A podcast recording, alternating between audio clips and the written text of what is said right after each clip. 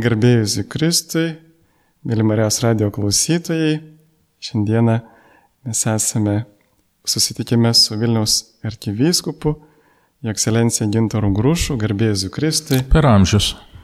Prie mikrofono aš kunigas Sigitas Jurkštas ir šiandieną mes kalbame su gerbiamu arkivyskupu apie įvairias Lietuvos ir arkiviskupijos aktualijas.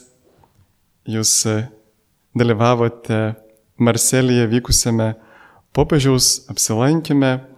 E, koks tai buvo susitikimas, apie ką ten buvo kalbama?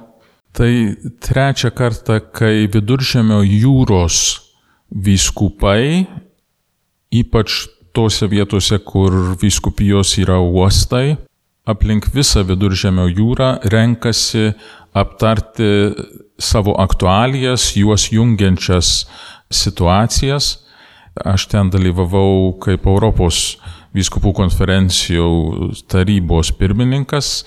Pirmas susitikimas buvo Bari mieste Italijoje, pereitais metais Florencijoje irgi Italijoje, šiais metais Marseille, Prancūzijoje.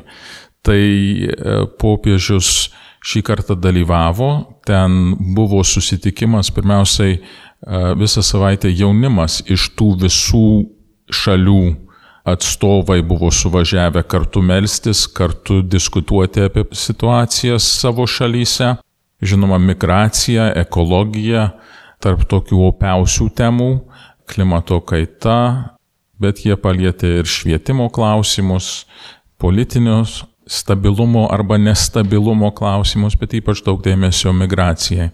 Nes tuose šalyse, kur daugiau musulmoniškos, ar Sirijoje, ar ten Turkijoje, Tunizijoje, Morakė, tai jos turi vienas problemas ir jų išlaikymo religinės laisvės ir, ir, ir sąžinės laisvės klausimai.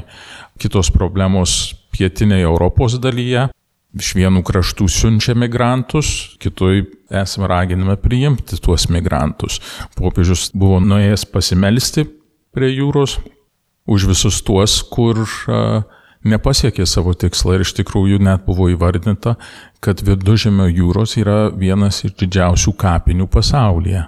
Ant tiek daug žmonių yra nuskendę, pabrėžta, kad prekyba žmonėms, kad mafijos ten dirba, tuos žmonės stato į pavojų, tie žmonės dažnai ir bėga nuo karo, popiežius pabrėžtinai, kad mes turime išlaikyti savo žmogiškumą. Ta ne tik krikščioniška meilė, bet ir, ir bazinį žmogiškumą, jei matai skenantį žmogų, tu jį gelbsti. Ir tai buvo priminimas ir ne pirmą kartą savo pontifikato pradžioj, visi atsimenam, kaip popiežius Pranciškus vyko į Lampedusą. Tai tas pakartojimas ir paraginimas mums visiems nepamiršti to savo žmogiškumo kitų atžvilgių, kad mes visi tikrai esame broliai ir seserys, bet ir, kaip sakiau, palėtė visą eilę tų kitų klausimų.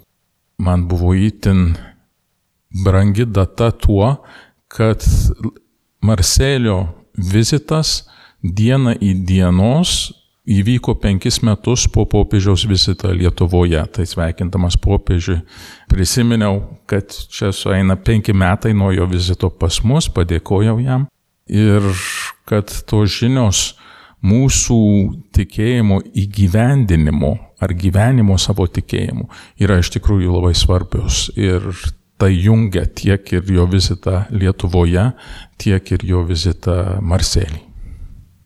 O kaip jūs vertintumėte Lietuvos politiką migrantų atžvilgių? Aš tai popiežius irgi minėjo daug įvairių konkrečių pavyzdžių, net minėjo, kad štai pažįsta tokius ir miestus, miestelius, kur ten gyvena po 20 senelių ir, ir kad, sako, va tos vietos irgi galėtų atsiverti ir, ir būtų vieta, kur migrantai galėtų gyventi, o Lietuvoje štai jaučiam tą tokią grėsmę dėl įvairaus terorizmo ir, ir panašiai, bet va kaip vertintumėt, kad Lietuva šiuo atveju yra ganėtinai nesvetinga migrantams ir netgi tarp bažnyčios žmonių yra toks šiek tiek nusistatymas prieš migrantų prieimimą?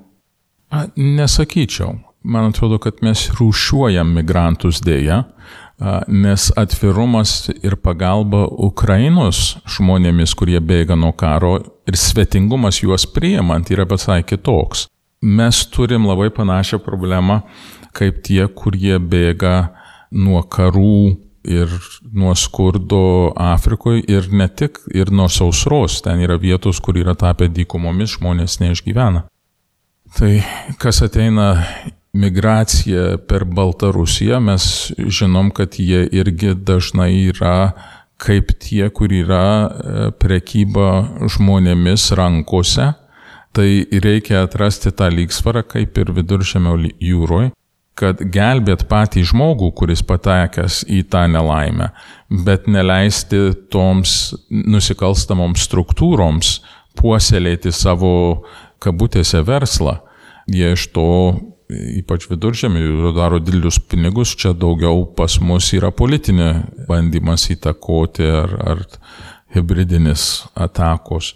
Tai Svarbu ir mums prisiminti, kad mes turime išlaikyti žmogiškumą. Jie yra žmonės ir jiems reikia padėti ir atrasti teisingus metodus, kad ir padedant žmonėms, ir užtikrinant, kad nesipuosulėtų ta nelegali veikla tiek ant mūsų pašonės, tiek ir viduržėmio jūroje.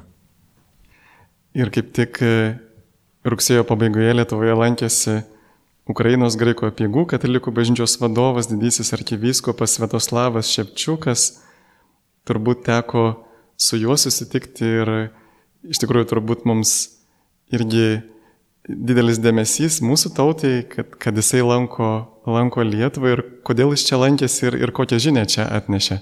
Mes jau su juo prieš bent metus, jei ne porą metų kalbėjomės, kad artėja Švento Jozapato 400 metų minėjimas kad ruošiamės daryti renginius tiek Vilniui, tiek Romoje.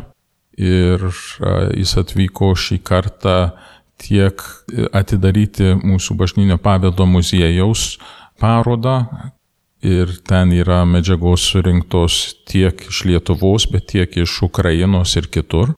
Ir kartu švesim liturgiją bazilionų bažnyčioje susitikimai buvo su e, ministrė pirmininkė ir tai yra dalis to švento Jozapato metų, kur ir mūsų valstybė paskelbė Jozapato metus bet jis bus tęsiama ir Romoje, kur yra Švento Jozapato palaikai ir tą pačią Švento Jozapato dieną, lapkričio 11-12, bus išvakarėse pamaldos Švento Petro bazilikoje prie jo kapo, o liturgiją kartu švesime sekmadienį irgi su didžiuoju arkivyskupu. Tai rodo ir mūsų tautų artumą, bendrą istoriją ir yra proga kartu melstis ir puoselėti, padėti jiems atstovėti šį sunkų laiką. Ir švento Juozapato pavyzdys, jo kietumas, jo nenusileidimas, jiems irgi yra pavyzdys ir užtarėjas dabartiniuose išbandymuose. Ir turbūt dar yra proga prisiminti tą unitų bandymą suvienyti rytų ir vakarų bažnyčias ir Tai vyko būtent Lietuvos didžioji kunigaikštystėje. Tai irgi tarsi mums priminimas, kad štai mes turime, kaip lietuvių tauta, štai irgi esame ištakose to, to bandymo siekti vienybės tarp rytų ir vakarų bažnyčios. Taip ir buvo Jozapato šūkis, tai visi būna viena. Ir jo gyvenimo pavyzdys ir mūsų dabartinės ėjimai siekiant tos vienybės, kur ir tada, ir dabar nebe sunkumų, bet yra tas ėjimas, tas bandymas. Ir e, visą spalio mėnesį prasidės Romoje vyks sinodas e, visuotinės bažnyčios. E, ir kaip tik iš vakarėse popiežius yra pakvietęs į Petro aikštę teze vienuolių pasiūlymų turėti ekumeninės pamaldas Petro aikštėje išvakarėse sinodo, kad galėtumėm šauktis šventosios dvasios vedimu per visą tą sinodo laikotarpį. Popiežius labai pabrėžia tą ir ten bus iš įvairių bažnyčių ir ortodoksų iš Konstantinopolio, ir anglikonų, ir kitų, kurie kartu melsis ir prašysim šventosios dvasios, o popiežius kaip tik labai prašė primiktinai, kad ir tie kurie dalyvausime sinode, ruoštumėmės maldą ir kad ta malda lydėtų per visą sinodą, kad tai yra iš tikrųjų bažnyčios veiksmas, ne kažkoks parlamentarinis posėdis. Ir labai prašo popiežiaus ir aš kartoju Lietuvos e, žmonėms, Marijos radijos klausytojams ypač, skirti spalio mėnesį ne tik malda už misijas, kaip yra pramatyta bažnyčios kalendoriuje, bet popiežiaus prašymų melstis tą visą mėnesį už sinodą, už šventosios dvasios vedimą tame laikotarpyje. Nemanau, kad mes matysime sinodą be kažkokių kliūčių ar, ar dramatiškų pasisukimų, bet popiežius jau prieš metus tą labai aiškiai įvardijo, kad šventosios dvasios būdas veikti yra kaip ir sėkminių diena su dideliu vėju viską susukti, chaosą sukurti ir tada pastatyti dalykus į vietą pagal Dievo valią. Ir popiežius yra tą įvardyjęs jau kelis kartus per, per šitą sinodinį kelią. Ir manau, kad todėl taip svarbu bus, kad ne tik tie dalyvaujantys, e, kad pasišvestų maldai tame, bet kad visa bažnyčia, visa bažnyčia melstųsi, kad šitas bažnyčios žingsnis iš tikrųjų būtų šventosios dvasios vedamas. Ir čia, manau, Marijos radijos klausytojai ypač galės pasitarnauti. O kokius jūs išvelgtumėte ir galimus pavojus, ir tokias galimybės bažnyčiai atsinaujinti per šį būsimą sinodą? Galimi pavojai yra, kad kai kurie žmonės ateina su savo idėjom, savo agendom, ką mes matėm ypač su Vokietijos sinodiniu keliu, kad buvo aiškus tikslas kai kurių žmonių, kur bandė prastumti ir labai parlamentariškai surinkti balsus, daugumas ten. Ir, ir e, šitam procese ne, ne tas tikslas.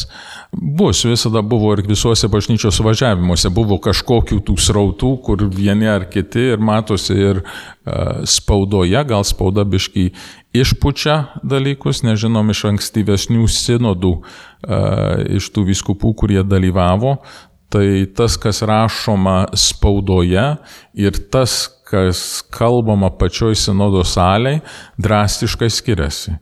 Ten ieško, kaip išpūsti kažkokių konfliktų burbulų spaudoje, o salėje daugiau konstruktyvus darbas. Tai manau, kad to ir bus šį kartą, bet tam irgi reikia maldos. O kas matosi, kur link eina, tai yra pabrėžimas antro Vatikano suvažiavimo sprendimų, kad e, kiekvienas krikščionis pagal krikšto malonę turi ir pareigą būti aktyviu bažnyčios nariu. Ir ieškomas būdų, kaip visus pakrikštytuosius įtraukti į aktyvesnį bažnyčios gyvenimą. Kad jie visi vykdytų savo užduotis ir kad būtų vietos.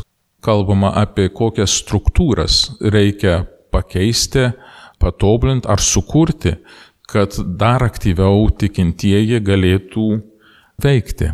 Ir čia pagal krikštą mes matom, jau yra daugiau ir daugiau įvairių tarnyščių, kur jos yra įvardintos.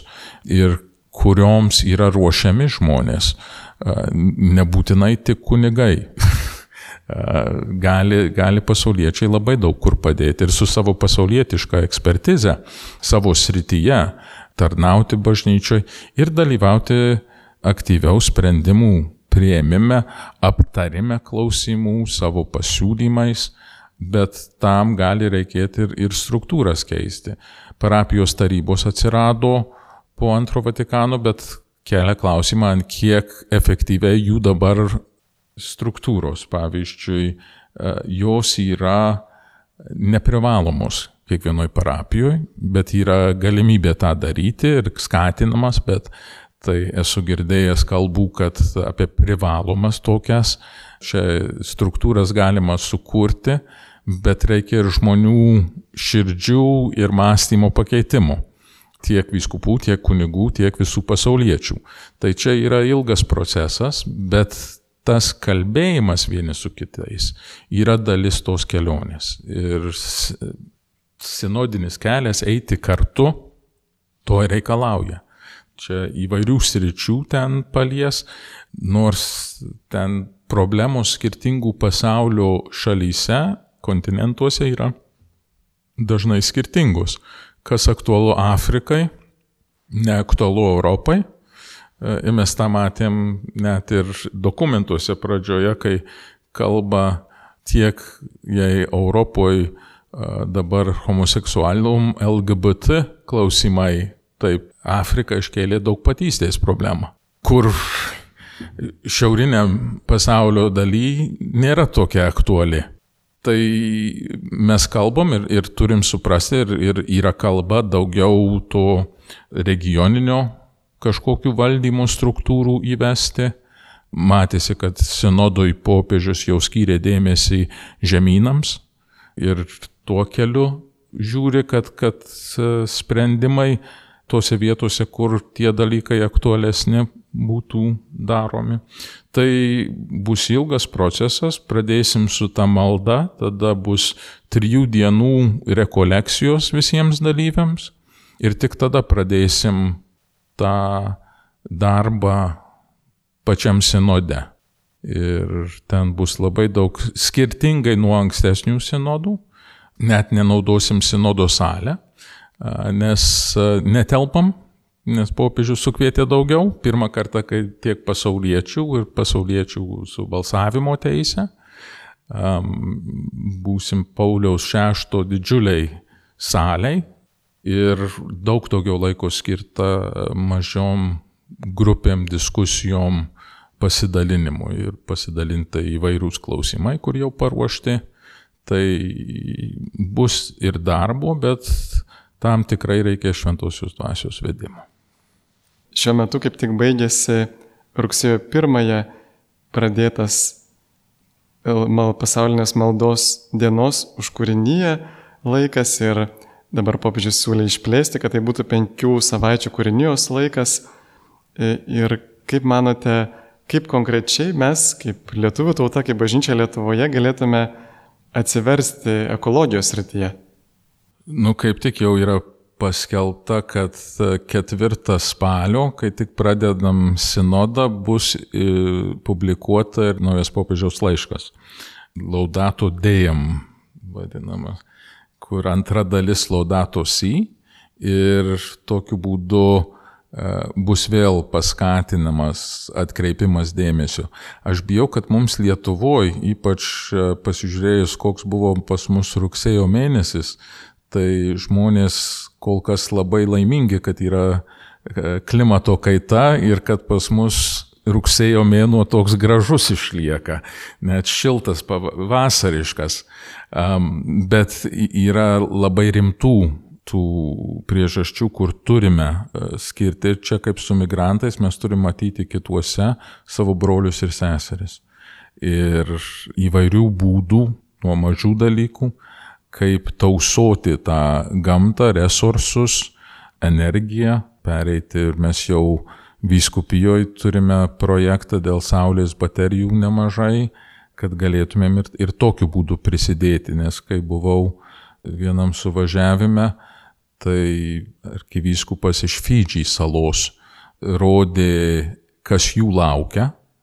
Ir jo salai atrodo pakenks, bet nepramatyta, kad visiškai išnyktų, o yra kitos salos, kur jau gyventojai mato, kad jų sala bus po vandeniu ir kad jie jau visą savo gyvenimą turės persikelt į kitą salą. Jie jau tarėsi su kitos salos gyventojais, kad jie galėtų persikelt. Tai įsivaizduokit, jei visi Lietuvo žmonės turėtų staiga persikraustyti kur nors, tai tikrai tragedija žmonėms, o tie dalykai, kuriuos mes darom, turi savo efektą. Tai iš tikrųjų reikės, bet aš irgi laukiu pamatyti, ką popiežius savo antroj pusėj to laiško apie mūsų bendrus namus, rašys ir, ir tai irgi bus labai svarbu atkreipti į tą dėmesį. Tai dėkojame, čia buvo Vilniaus arkivyskupas, ekscelencija Gintaras Grušas, prie mikrofono buvo aš kunigas Sigitas Jurkštas, gal galėtumėte dar ir palaiminti klausytojus ir mus. Viešpat su jumis.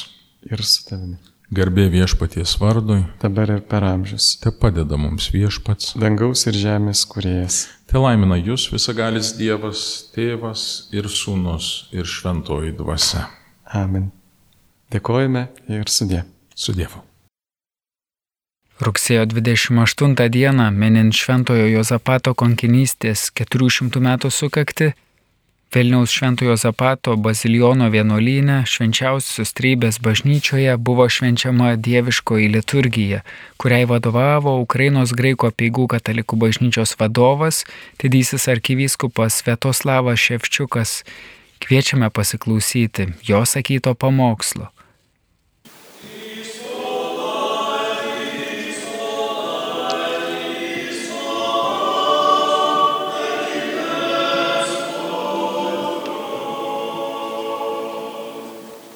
Господній на мені, бо Він помазав мене, послав мене благовістити в Богим, проголосити сліпим прозріння, пригновлених випустити на волю. В ім'я Отця і Сина, і Святого Духа Амінь. Your Excellencies, Your Eminence, Преосвященний Владико Степане, Високопреподобний Отче протоігумене.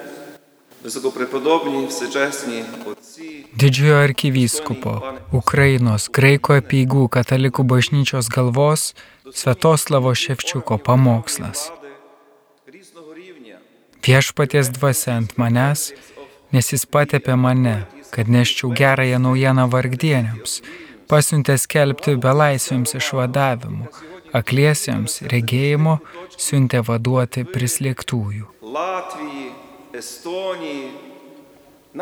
Jūsų ekscelencija, jūsų eminencija, garbusis vyskupė Stepanai, garbusis protoigumenai, garbėjai ir dorėjai tėvai, didžiai gerbiamasis ponė Ukrainos ambasadorių Lietuvoje, didžiai gerbiami visų lygių Lietuvos valstybės valdžios ir Vilniaus miesto institucijų atstovai, mėla ukrainiečių bendruomenė kurios nariai čia atvyko iš įvairių Lietuvos, Latvijos ir Estijos kampelių. Mėly Ukrainos katalikų universiteto verslo mokyklos studentai, atvykę iš Lvivo, mielas jaunime, mėly vaikai, brangios seseris ir broliai vienolystėje. Karbėjai Jėzui Kristui. Ką tik išgirstas Dievo žodis pasakoja mums apie ypatingą Jėzaus misijos akimirką. Kristus atvyksta namo į Nazareto miestą, kuriame užaugo, kur gyveno jo artimiausi ir tolimiausi giminaičiai. Šeštadienį jis ateina į sinagogą skaityti ir aiškinti žmonėms Dievo žodį. Evangelistas pasakoja mums, kad jis išskleidžia pranašų Izaijo knygą, kuri pasakoja apie būsimojo mesijo taip laukiamo Dievo išrinktosios tautos ženklus. Įskaito pranašo Izaijo žodžius apie Dievo pateptąjį. Viešpaties dvasia ant manęs, nes jis patepė mane. Tai yra žodžiai apie jį patį, nes Kristus reiškia Dievo pateptasis. Tai jis viengimis Dievo sūnus, kuris iš pramžių yra pateptas šventąją dvasę Dievo tėvo prieglopstyje, dar prieš pasaulio sukūrimą. Jis atėjo į savo namus, pas savo žmonės, kad skelbtų Evangeliją, tai yra neštų gerąją naujieną apie nepaprastą Dievo veikimą.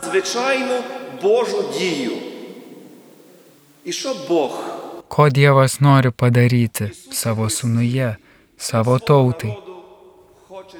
Kokia yra Evangelijos Jėzaus Kristaus gerosios naujienos prasme? Jis sako, kad atėjo nešti gerąją naujieną vargdieniams, skelbti belaisviams išvadavimą, akliesiams praregėjimą, vaduoti prislėgtuosius. Ši gera žinia yra ta, kad Dievas išvaduoja savo tautą ir dar labiau prisimena ir rūpinasi ją. Prihnoblinim, date svobodu. Kai Kristus baigė skaityti, pasakoja Lukas, visi sinagogoje labai dėmiai pažvelgė jį ir jis tarė, šiandien išsipildė ką tik jūsų girdėti rašto žodžiai. Tai reiškia, kad tai, ką išgirdo žmonės, vyksta dabar. Tai, apie ką rašė pranašas Izaijas, vyksta šiandien. Ši gera žinia skirta būtent jums, kurie dabar klausotės. Šis Dievo žodis tampa tikrovę jūsų ausise. Сповнилось у ваших вухах. Це означає, що те, про що чули, зараз стається. Siekdamas paaiškinti šį Dievo žodžio išsipildymą tiems, kurie klauso, šventasis apaštalas Paulius laiškė kolosiečiams rašo taip, nes jame kartu su žmogiškaja prigimtimi gyvena visa dievystės pilnatvė ir jūs dalyvaujate toje jo pilnatvėje. Tai reiškia, bet kokia pilnatvė, kurios žmogus siekia, yra Jėzuje Kristuje, nes jame slypi visi išminties ir pažinimo lobiai. Todėl viskas tai, ko šiandien ilgis ir ieško žmogus, kas gali padaryti jį laimingą, kupiną Dievo gyvybės, yra kaip lobis Jėzaus Kristaus asmenyje. Це означає, всяка повнота, якої прагне людина,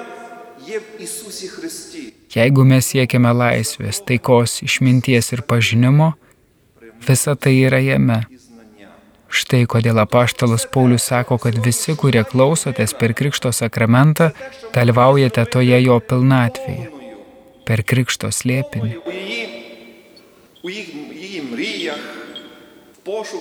Kas tiki Jėzų Kristų jo ausise, širdyje bei gyvenime ir šiandien išsipildo Dievo žodis.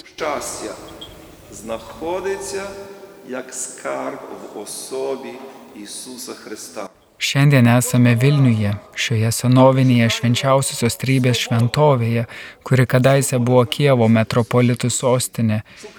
Šiame senoviniame vienuolyne, kuris padovanojo mums didžiulę turtingą mūsų bažnyčios gyvenimo istoriją, mūsų žvilgsnis krypsta iš šventojo kankinio Juozapato, Polotsko arkivyskupo asmenybę.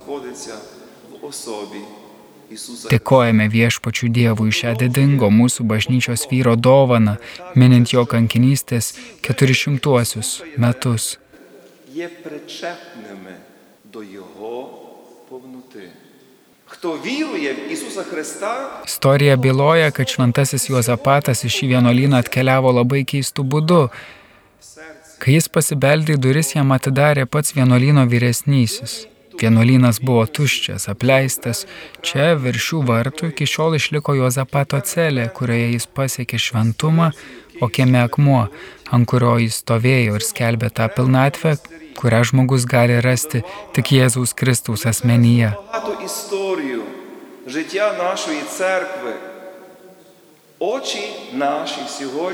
Tada šventasis kankinys Juozapatas pamokslavo apie visuotinės bažnyčios vienybės pilnatvę ir kvietė visus krikščionis vienytis aplinkuolą, kuria yra mūsų dienų apaštalo Petro įpėdinis.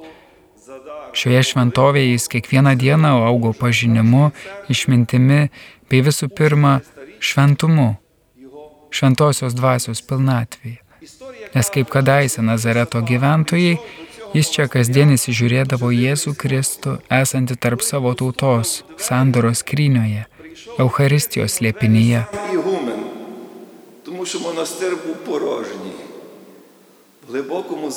Pagerbdami šventą įkankinį Jozapatą, turėtume išgirsti šio lūpų šį galingą kreipimąsi – Ieškokite Kristaus savo gyvenime ir rasite. Rasite Ukrainos orumą, laisvę, stiprybę, nepriklausomybę ir pergalę. Šiandien čia, Vilniuje, ypatingai skamba šventojo balsas ukrainiečių bendruomeniai, kuri dėl karo atsidūrė svetingose Baltijos šalise. Ypatingai dėkojame Lietuvo žmonėms už tai, kad jie šventai Juozapatą ir mūsų bažnyčios istoriją Vilniuje laiko savo nacionalinės istorijos ir dvasinio paveldo dalimi. тут, в тому монастирі, в тому святому храмі, святий Йосафат з дня у день зростав. Įsiklausydami šiandien į Dievo žodį bei įsižiūrėdami į šventojo Juozapato asmenybę, o per jį į patį Jėzų Kristų, kuris yra tarp mūsų kaip gyvenimo pilnatvė ir žmogaus išganimas, Mes galvojame apie Ukrainą, kuriai reikia Evangelijos žodžio apie gerąją naujieną išsipildymo. Tikriausiai, pabudę kiekvieną rytą, jūs pasižiūrite naujienas apie įvykius tėvynėje.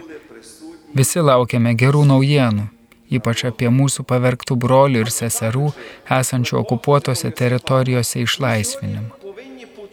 Mes melžiamės už Ukrainos Krymą, Ukrainos kairę krantę Hersono sritį, už Berdenską ir Tokmaką, už Donetską ir Luhanską.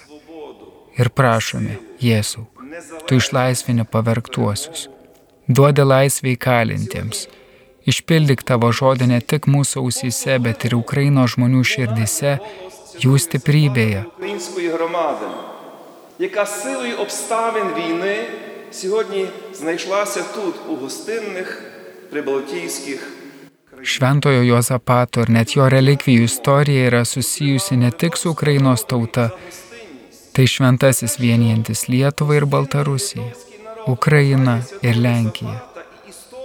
Prieš 400 metų šventasis Juozapatas buvo Polocko, dabar tai Baltarusija, arkivyskupas.